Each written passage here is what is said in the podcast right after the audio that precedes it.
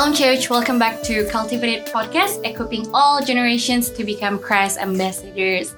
Nah, um, hari ini tuh hari Minggu, tanggal 9 Februari, dan hari ini aku senang banget karena ditemenin dua orang spesial. Iya.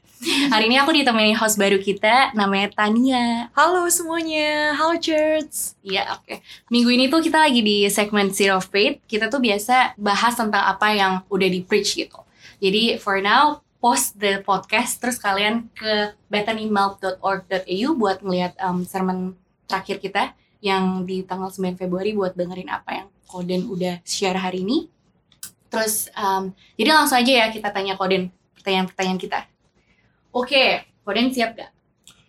Siap, cuman tadi kamu bilang ada saya senang sekali temenin dua orang. Oh iya, Kamu oh iya. sebutannya, Kita belum kenalin aku. Koden. Oh iya bener Ya, tapi ya udahlah, yang penting orang mendengar juga Bener tahu. bener bener bener. Jadi hari ini itu guest special kita itu Koden. Halo Koden. Kalau yang lain spesial juga ada. Spesial dong semua di Oh, sini ya udah. spesial. Oke, Kalau semua spesial jadi no one is special. Oke. Biar Tuhan saja yang spesial. Oke. Oke, um, yaudah kita langsung masuk aja ke pertanyaannya ya. Nah, kok pertanyaan pertama. Ya. Jadi kan tadi tuh sermonnya Koko tuh bahas tentang, aku suka banget karena Koko tuh bahas tentang gimana Tuhan itu bekerja bukan karena performance kita atau bukan karena circumstances kita. Nah, pertanyaan aku, kita tuh sering banget gitu ya kayak as a human being kita tuh pergi ke sekolah, pergi ke tempat kerja, kita tuh selalu perform. Bahkan kayak misalnya sama parents aja tuh um, parents sering banget reward kita kalau kita ngelakuin sesuatu. Jadi Hmm. in a sense kayak as a human being kita udah secara nggak langsung selalu mau perform gitu lah. Nah, gimana caranya tuh kita change our mindset dari performing itu di hadapan Tuhan? Gimana caranya supaya kita tuh sama Tuhan tuh nggak nggak perform gitu loh? What earn that? Ya, oke. Memang itu sesuatu yang kita tidak bisa pungkiri. Ya, Hmm. Dalam hidup ini, kita hidup di dunia yang based on merit system. Hmm. M E R I T merit. Oke. Reward and punishment. Oke. Performance based. Oke. By your performance you are justified, by your performance you are condemned. Hmm. Oke. Jadi seluruh aspek kehidupan kita isinya begitu. Dari rumah kita begitu, di sekolah begitu, di pekerjaan begitu, dalam kehidupan sosial semuanya begitu. Dan tentu aku bisa mengerti dan aku tidak akan menyalahkan karena aku juga mengalami seperti itu bahwa akhirnya itu terbawa di dalam bagaimana kita tuh melihat Tuhan dengan kita juga Hmm. seperti itu. Hmm. Sebab begini, ini kita tuh kan lihat Tuhan tuh pribadi yang di atas kita lah ya, gitu ya. Hmm. Kalau kita melihat orang-orang yang di atas kita semua, gitu, orang tua kita, guru kita, uh, employer atau bos kita ya, kita lihat mereka semua itu kesamaannya satu. Mereka melihat kita based on the performance. Oke, Yes. well tentu orang tua kita oh tidak, gitu, tapi tetap aja ada ada unsur begitu. Hmm. Tentu at a different degree ya dalam derajat yang berbeda. Hmm. Jadi karena kita ngelihat orang-orang di atas kita itu seperti itu, jadi kita lihat juga Tuhan itu seperti itu. Nah, aku nggak bisa salahkan. Hmm. Oke. Nah, tapi di situlah sebenarnya membedakan apa yang kita percaya di dalam Kristus, dalam Tuhan Yesus, ya dengan di luar Tuhan Yesus. Sebab hanya di dalam Tuhan Yesus kita itu menemukan sesuatu yang sangat berbeda dengan dengan apa yang kita temukan di luar. Kita tidak lagi hidup di dalam performance base, Hmm. tapi kita di dalam grace. Nah, apa itu grace? Grace adalah bahwa kita mendapatkan sesuatu yang baik, Iya. bukan karena kebaikan kita. Hmm. Sesuatu yang sebenarnya kita tidak tidak tidak pantas untuk terima. Iya. Nah, itu dimulai dari dari pengertian kita tentang yang paling mendasar yaitu keselamatan. Hmm. Oke, itu sebabnya di Efesus pasal 2 ayat 8 sampai 9 Paulus menulis begini. Sebab oleh kasih karunia kamu diselamatkan oleh iman, itu bukan hasil perbuatanmu. Oke, tapi itu adalah pemberian Allah. Itu bukan hasil pekerjaanmu. Jangan ada orang yang memegahkan diri. Nah, itu kita bicara soal keselamatan. Nah, kalau kita mengerti soal itu dan kita benar-benar ngerti keselamatan, maka keselamatan dalam Tuhan Yesus itu berbeda dengan keselamatan yang lain yang di, di luar Tuhan Yesus. Ya, sebab dalam Tuhan Yesus kita diselamatkan karena kasih karunia, bukan karena perbuatan baik. Nah, kita bisa belajar itu kita oh ya ya ya oh ya amin haleluya haleluya Tuhan. Ya. Tapi pertanyaan begini, benarkah sungguh-sungguh pengertian keyakinan keselamatan itu masuk di dalam pikiran dan hati kita? Hmm. Sebab kalau iya, itu akan membawa perubahan dalam seluruh aspek kehidupan kita. Itu akan Hmm. membawa, itu akan terbawa di dalam dalam hal-hal yang lain dalam kehidupan kita, yaitu termasuk di dalam studi kita, di dalam kerjaan kita. Ya, sebab sekarang kita mulai melihat bahwa hidup ini karena kasih karunia. Hidup ini bukan karena hasil perjuangan saya, Hmm. hidup ini bukan aja hasil uh, per- performance saya, KPI kalau istilahnya ya, Key Performance Indicator saya, tapi karena kemurahan Tuhan. Nah, kalau kita sudah seperti itu, maka nomor satu, cara kita datang kepada Tuhan, cara kita beribadah semua akan berbeda. Hmm. Oke, eh, ya, aku hidup bertahun-tahun di gereja yang mengajarkan "Oh, kalau engkau sungguh-sungguh dengan Tuhan, kalau engkau melayani Tuhan nanti itu kamu akan kasih, kamu akan dikasih oleh Tuhan. Kamu diberkati oleh Tuhan. Ya, eh, aku tidak berkata itu salah, tapi tapi aku merasa Tuhan tuh punya lebih baik daripada itu. Iya. Yaitu aku mengasihi engkau, yaitu aku berkati engkau Hmm. di dalam kelemahan dan kekuranganmu sehingga kita bisa merasa secure. Hmm. Nah itu memang tidak mudah dan itu butuh namanya memang ini benar-benar namanya supernatural revelation. Hmm. Itu benar-benar sampai kita bisa yakin, kita bisa percaya sungguh-sungguh bahwa itu benar. Hmm. Nah itu namanya iman. Nah dari mana kita bisa dapat iman seperti itu? Cuma satu Roma 10 ayat 17. Iman timbul dari pendengaran, pendengaran akan firman Kristus. Firman Kristus. Sebab hanya bukan hanya bukan bukan segala firman Tuhan, tapi firman Kristus. Sebab waktu kita dengar tentang Kristus, Hmm. Dia yang mati untuk dosa kita. Hmm. Dia yang mati untuk dosa kita. Sebab bagian firman Tuhan yang lain berkata, jika engkau melakukan segala perintahku dengan sungguh hati, maka segala, segala berkat datang kepadamu. Tapi itu bukan firman Kristus. Benar. Oke, firman Kristus adalah adalah bahwa Yesus mati untuk dosa kita. Yesus mati untuk kegagalan kita. Ya. Sehingga kita ini mendapatkan berkat daripada Tuhan. Berkat keselamatan, pemeliharaan Tuhan, perlindungan daripada Tuhan, dan rencana Tuhan yang indah dalam hidup kita. Itu semua karena kasih karunia. Hmm. Itu perlu perlu perlu supernatural, benar-benar ya, literally supernatural revelation. Kita mengerti dulu, Iya. tapi setelah itu kita harus minta Tuhan supaya itu benar-benar jadi sesuatu yang kita bisa lihat dalam hati kita. Hmm. Aku tidak bisa jelaskan lebih daripada itu. Iya. But we need to keep hearing the word of. Christ. So, because that is where faith come from. Hmm. Faith come from hearing. Faith Mhm. not coming from believing and claim now. Ya, Iman keselamatan itu datang dari kita mendengar. Hmm. Baik Koden, thank you banget kok buat penjelasannya. And ini menyangkut banget sih kok sama yang pernyataan Koden yang barusan bahwa faith itu timbul dari uh, pendengaran akan firman Tuhan. Tapi banyak banget nih pertanyaan uh, yang mungkin dialami banyak teman-teman kita, baik itu di gereja pun di luar gereja. Why some people cannot see God as who He is?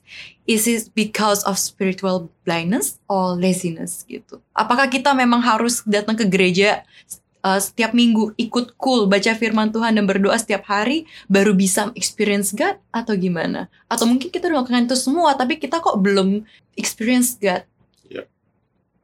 Um, well, pertanyaannya sekarang tentu kalau sudah hal-hal seperti itu ya kita mesti membutuhkan namanya clarity.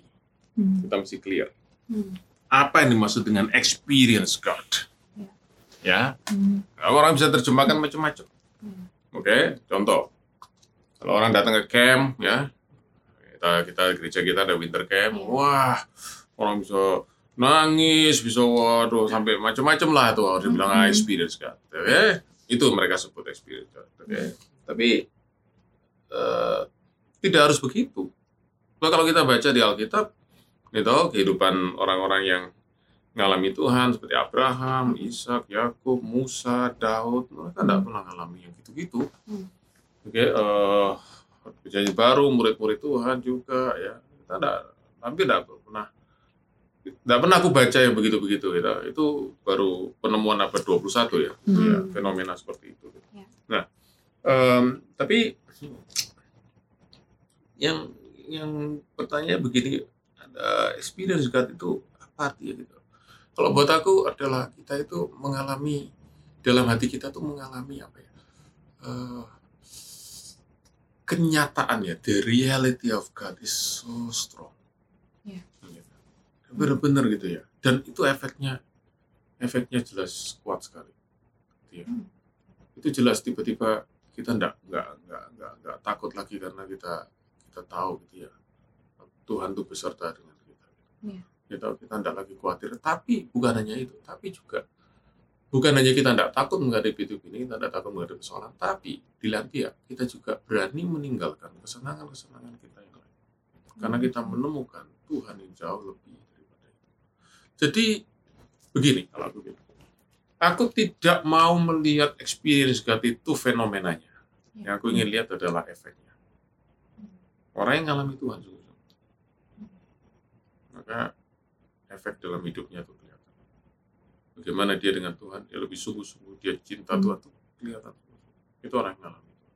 Nah, pertanyaannya gimana kok kita bisa ngalami Tuhan? Nah, begini, kita ini manusia, Tuhan itu Tuhan. Ya jelas saja kalau sampai nggak tahu lah. ya. Tapi apa implikasi? Implikasinya begini, tidak bisa kita tuh datang sama Tuhan. Tidak bisa kita datang sama Tuhan.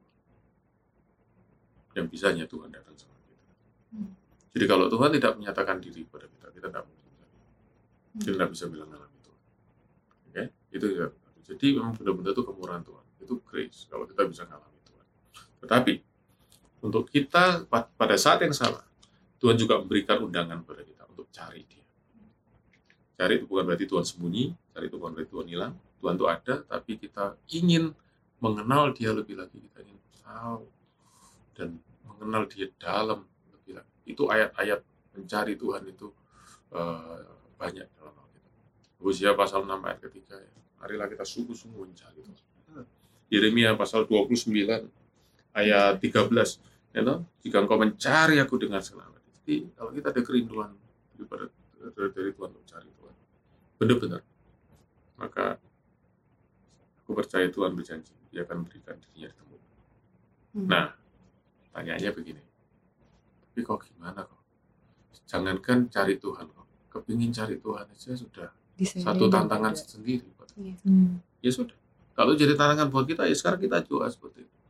Hmm. Tuhan, aku tahu aku tidak cari engkau, tapi aku ingin cari engkau. Hmm. Masih belum, mundur lagi. Tuhan, aku tidak cari engkau. Hmm. Dan aku tidak ingin cari engkau, tapi aku pingin bisa kepingin. Hmm. Itu ada satu apa tokoh ya gereja itu abad-abad yang lalu dia doa seperti itu. Hmm. Lord, I don't love you. Lord, I even don't want to love you, but Mhm. I want to want to love you. Ya. Dan kalau kita jujur kita buka di kita, Hmm. Tuhan aku pingin tapi aku tidak bisa. Tolong Tuhan, tolong. Hmm. I will do everything, but unless you open my eyes, I will not see. Aku yakin Tuhan itu di dalam kemurahannya, di dalam untuk kita benar-benar tahu, Lord, I'm powerless. Only your power can help me. Dia tidak akan tinggalkan orang yang menjerit in their powerlessness. So, teman kita, sahabat kita yang tanya tadi, dia bilang, berseru kepada Tuhan, Lord, I really want to know you, I really want to experience you Hmm. In your way. Benar. Ya. Kita jangan paksa Tuhan harus, wah kita ngalami yang wah spektakuler. Hmm. yang penting itu benar-benar dalam hati kita kita ketemu Tuhan dan itu akan berubah hidup kita. setuju banget sih kayak I think ya honesty is the key kayak misalnya kayak kita kalau punya relationship sama papa kita juga we tell him everything itu Mhm. jadi aku setuju banget Iya. bilang Iya, jangan kita ngejar fenomenanya. Hmm. Kesalahan kesalahan dari orang yang ngejar fenomena. Dan Hmm. sering kali itu kita lakukan seperti itu. Iya. Oke. Oh di gereja di mana? Wah, aduh. rasanya something ya. Kalau istilahku ya, something ecstatic. Oh ya, ecstatic. ya. Hmm. Sesuatu yang wah. Jadi seperti orang ini kalau bahasanya seperti orang kena ekstasi. Jadi, wah nggak sadar lalu yang macem-macem gitu ya. Don't seek that. hmm. gitu ya. Ya, aku enggak ada, aku benar-benar aku I'm still trying to be as neutral as possible. Oke. Oke. Kalau itu terjadi ya sudahlah, tapi aku enggak mau cari itu. Iya. Yang aku cari adalah benar-benar encounter with God in my heart.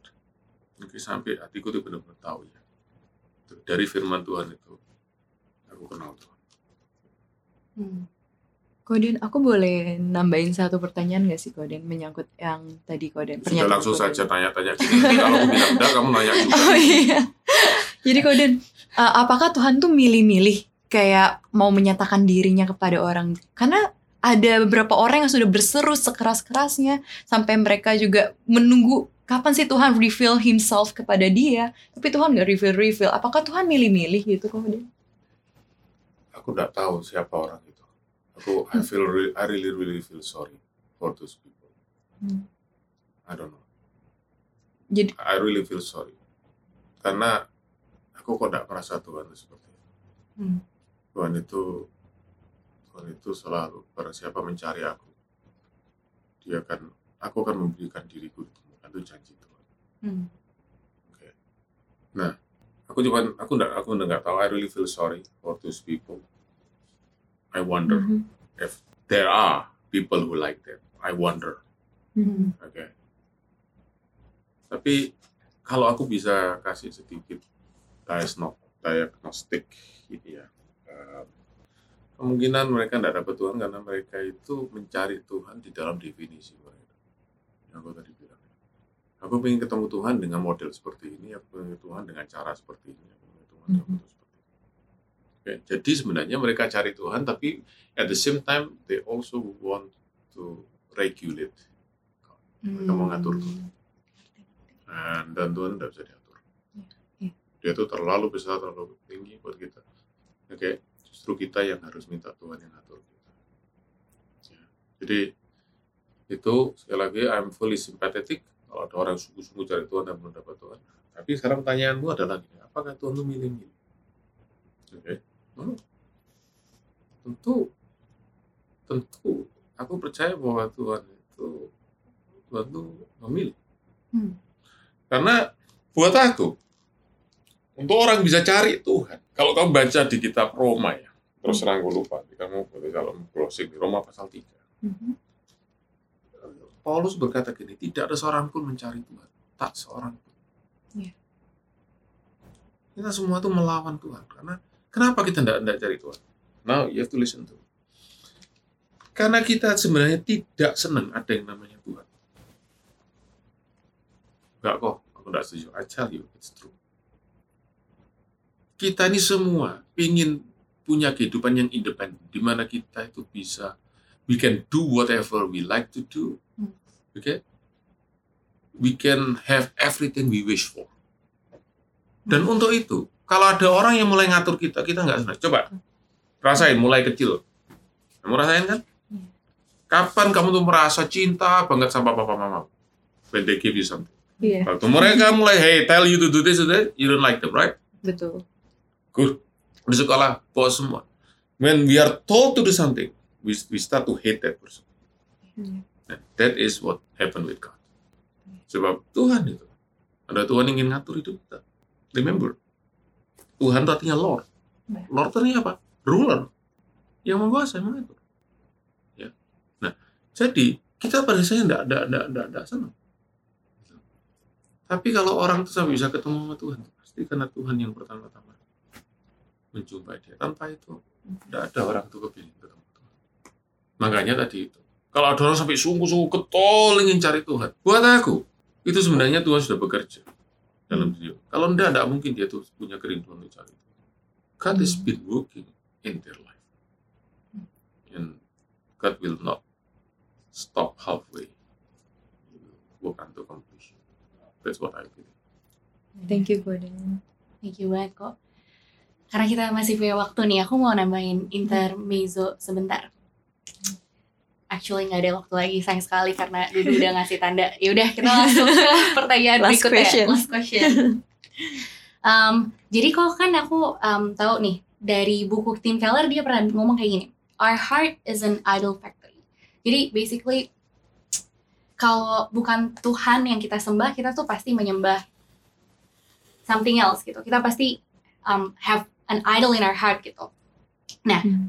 terus aku juga kepikiran, bisa nggak sih kayak spiritual things or good things kayak ministry kita atau kayak knowledge tentang Tuhan itu tuh jadi idol juga dalam hidup kita.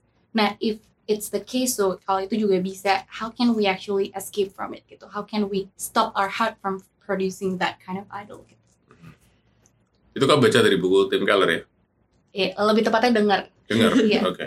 Ini, Hmm.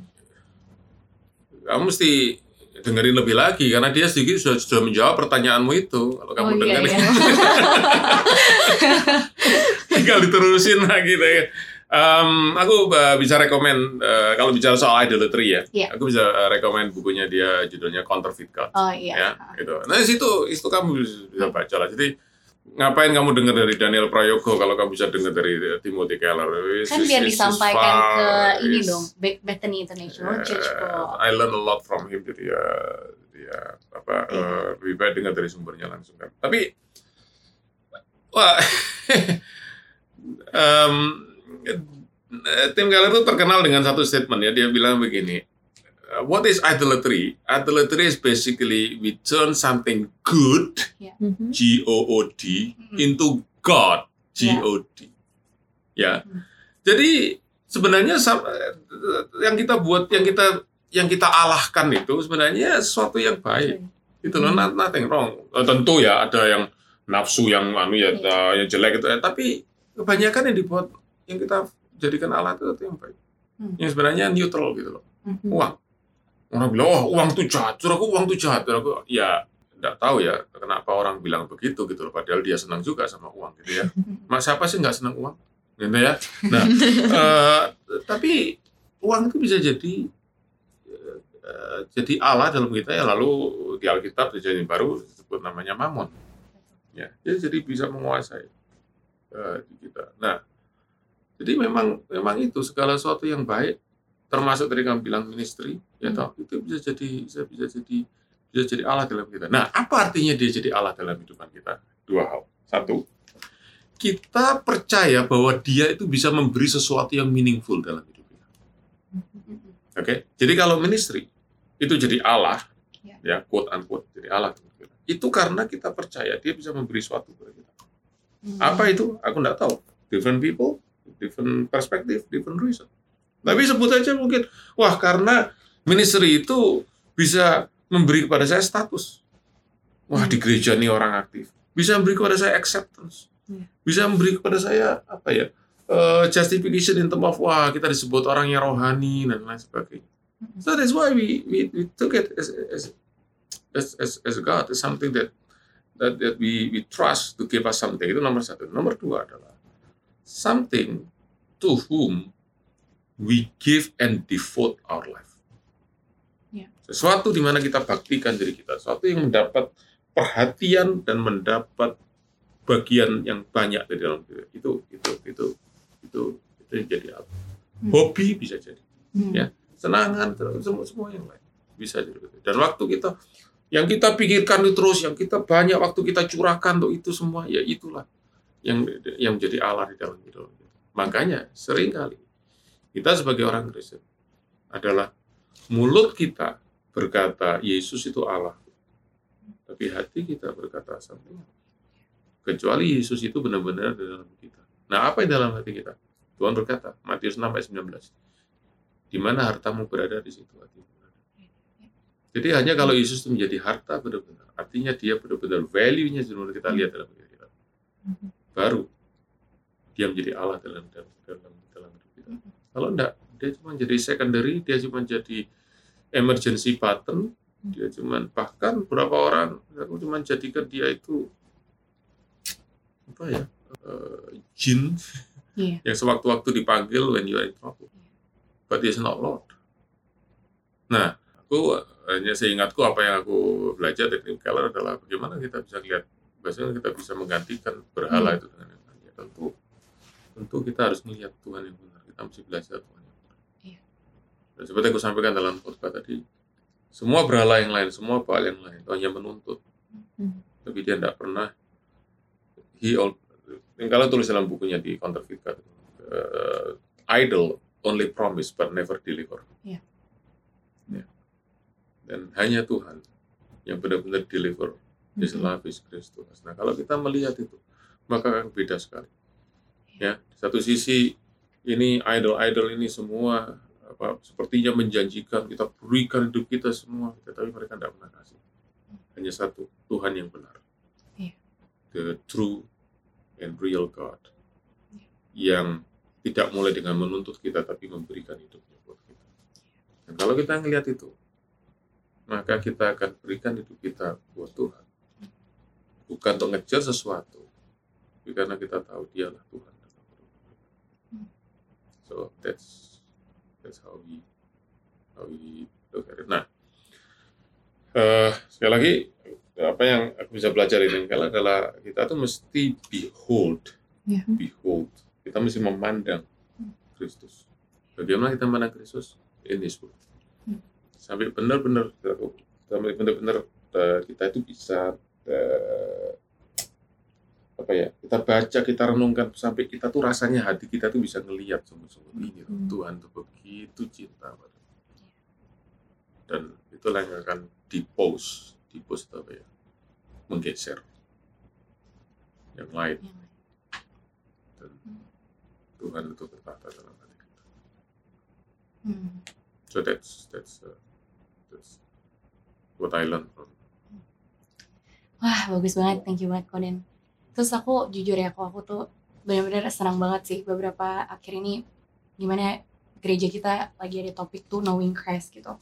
Karena tadi Koden juga sempat ngomong, you know, kalau kita benar-benar kenal the true and real God, kita bakal Yeah. bisa, you know, Yeah. benar-benar menyembah dia. Dan karena aku selama ini as a Christian gitu, I thought I know God, tapi ternyata setelah aku belajar lebih banyak lagi dari khotbah-khotbah Koden, dari dengar podcast-podcast Timothy Keller dan para preacher lainnya juga kayak ternyata knowing God is not that simple gitu. Mhm. Kadang kita ngerasa oh yang papa mama kita bilang tentang Tuhan kayak gini ternyata it's it's it's not completely true gitu. Ya, aku belajar banyak banget juga. Jadi um, ya I think um, this is a very good topic yang kita pelajarin ya di bulan-bulan niatan. Iya. Ya, karena gini, kita mesti tahu gini. How can we know God? We can know God in the place where He reveals Himself. Hmm. And where He reveals Himself? In His Word. Iya. Jadi kita harus cari mengenalkan Tuhan itu dari Tuhan sendiri. Tempat di mana Tuhan menyatakan, yaitu firman. Betul. Kita tidak boleh bergantung pada orang lain. Orang lain bisa bantu kita. Iya. Nah, itu yang itu yang Ayub. Kalau kamu tahu Ayub ya. Hmm. Yang Ayub katakan di akhir daripada menderitanya. Dia masih menderita, badannya masih berdarah, borok semua, Hmm. hartanya habis semua. Tapi dia ngomong sama Tuhan. Aku sekarang kenal engkau. Tidak seperti dulu. Karena dulu aku kenal engkau dari kata Allah. Hmm. Tapi sekarang mataku sendiri melihat. Dia ketemu sama Tuhan. Hmm. Ya tentu pada waktu itu dia belum punya Alkitab. Tapi dan di situ Tuhan berikan kepada dia special revelation ya. oke? Iya. Nah, sekarang kita sudah diberi oleh Tuhan sesuatu yang lebih daripada Ayub. Tuhan kasih pada kita Alkitab, firman Tuhan. Hmm. Kita bisa cari pengenalan akan Tuhan di situ. Ya, Hmm. karena tuh jangan cari Tuhan lewat meditasi. Jangan cari Tuhan lewat merenung-merenung. Cari Tuhan lewat aktif. Search and study His Word because that is where He reveal Himself to us. Hmm. Baik, Koden, makasih banyak ya Koden buat waktunya, udah sharing ke kita semua. Kita belajar satu hal yang baru hari ini dan juga mungkin menyadarkan kita semua kalau sekarang coba aku recap ke semuanya kalau kita perform tuh bukan untuk mencapai KPI tapi kita perform tuh karena kita merasakan kemuliaan Tuhan karena kita udah experience kemuliaan Tuhan dan kita perform di tempat kerja kita ataupun di rumah ataupun di sekolah itu hanya untuk showing that iya untuk memuliakan Tuhan bukan untuk Ya. mencapai KPI. Yes, yes, and that's that's that's the difference. Hmm. we make.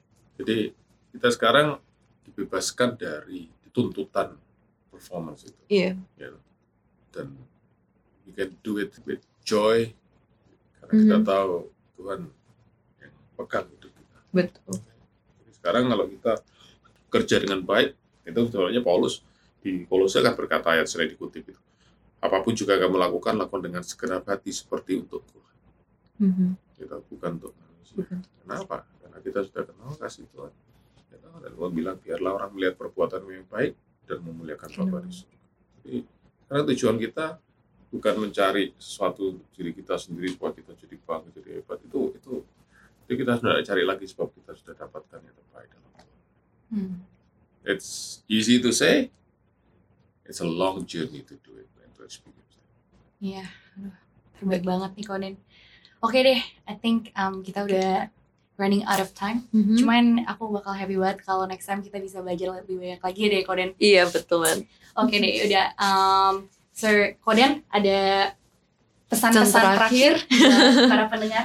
Oh, ya seperti aku sampaikan tadi ya, that um, we cannot worship God Ya, Mhm. unless we know Him. betul. Yeah. Jadi aku sekarang tidak my my urge, okay ya. Hmm. uh, what I urge people is not to worship God, Yeah. but to know God, Benar, because worship will flow betul. as as you know. Benar, So Dan seek aku- Him more, okay, find Him, and then you will worship. betul. And to know the true and real God, not the distorted version kok. Well, yes. well, find find the true God. Yes. Oke, um, ini ini ini cepat-cepat aja ya gini ya gini. Hmm. Karena gini, kita tuh bisa salah. Eh, Genesis 1:26 bilang gini. Tuhan tuh menciptakan manusia segambar dan serupa dengan dia. Ya. So God create people, oke, Mhm. man, oke, in his image. oke. Hmm. Sekarang itu dibalik. Man create God in his image. Benar. Jadi orang tuh menciptakan Allah di dalam imajinasi mereka sih. And that is what well. Hmm. Kita harus kita harus dapatkan Tuhan. We need to we need to find God from His revelation in His Word, not from our personal imagination. That's it. Oke, Koden, makasih banget ya Koden. Thank you for Pleasure. your time Koden dan juga eh, sekarang waktunya aku Tania dan juga Korin undur diri. And thank you buat teman-teman sekalian yang udah mendengarkan podcast kita session ini. Kita bertemu di session berikutnya. Bye bye. Bye.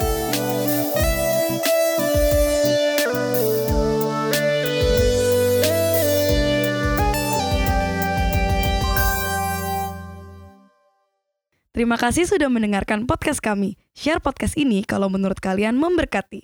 Cultivated Podcast tersedia di Spotify dan YouTube. Dan kalian bisa cek juga Instagram kita di cultivated.podcast. Terima kasih.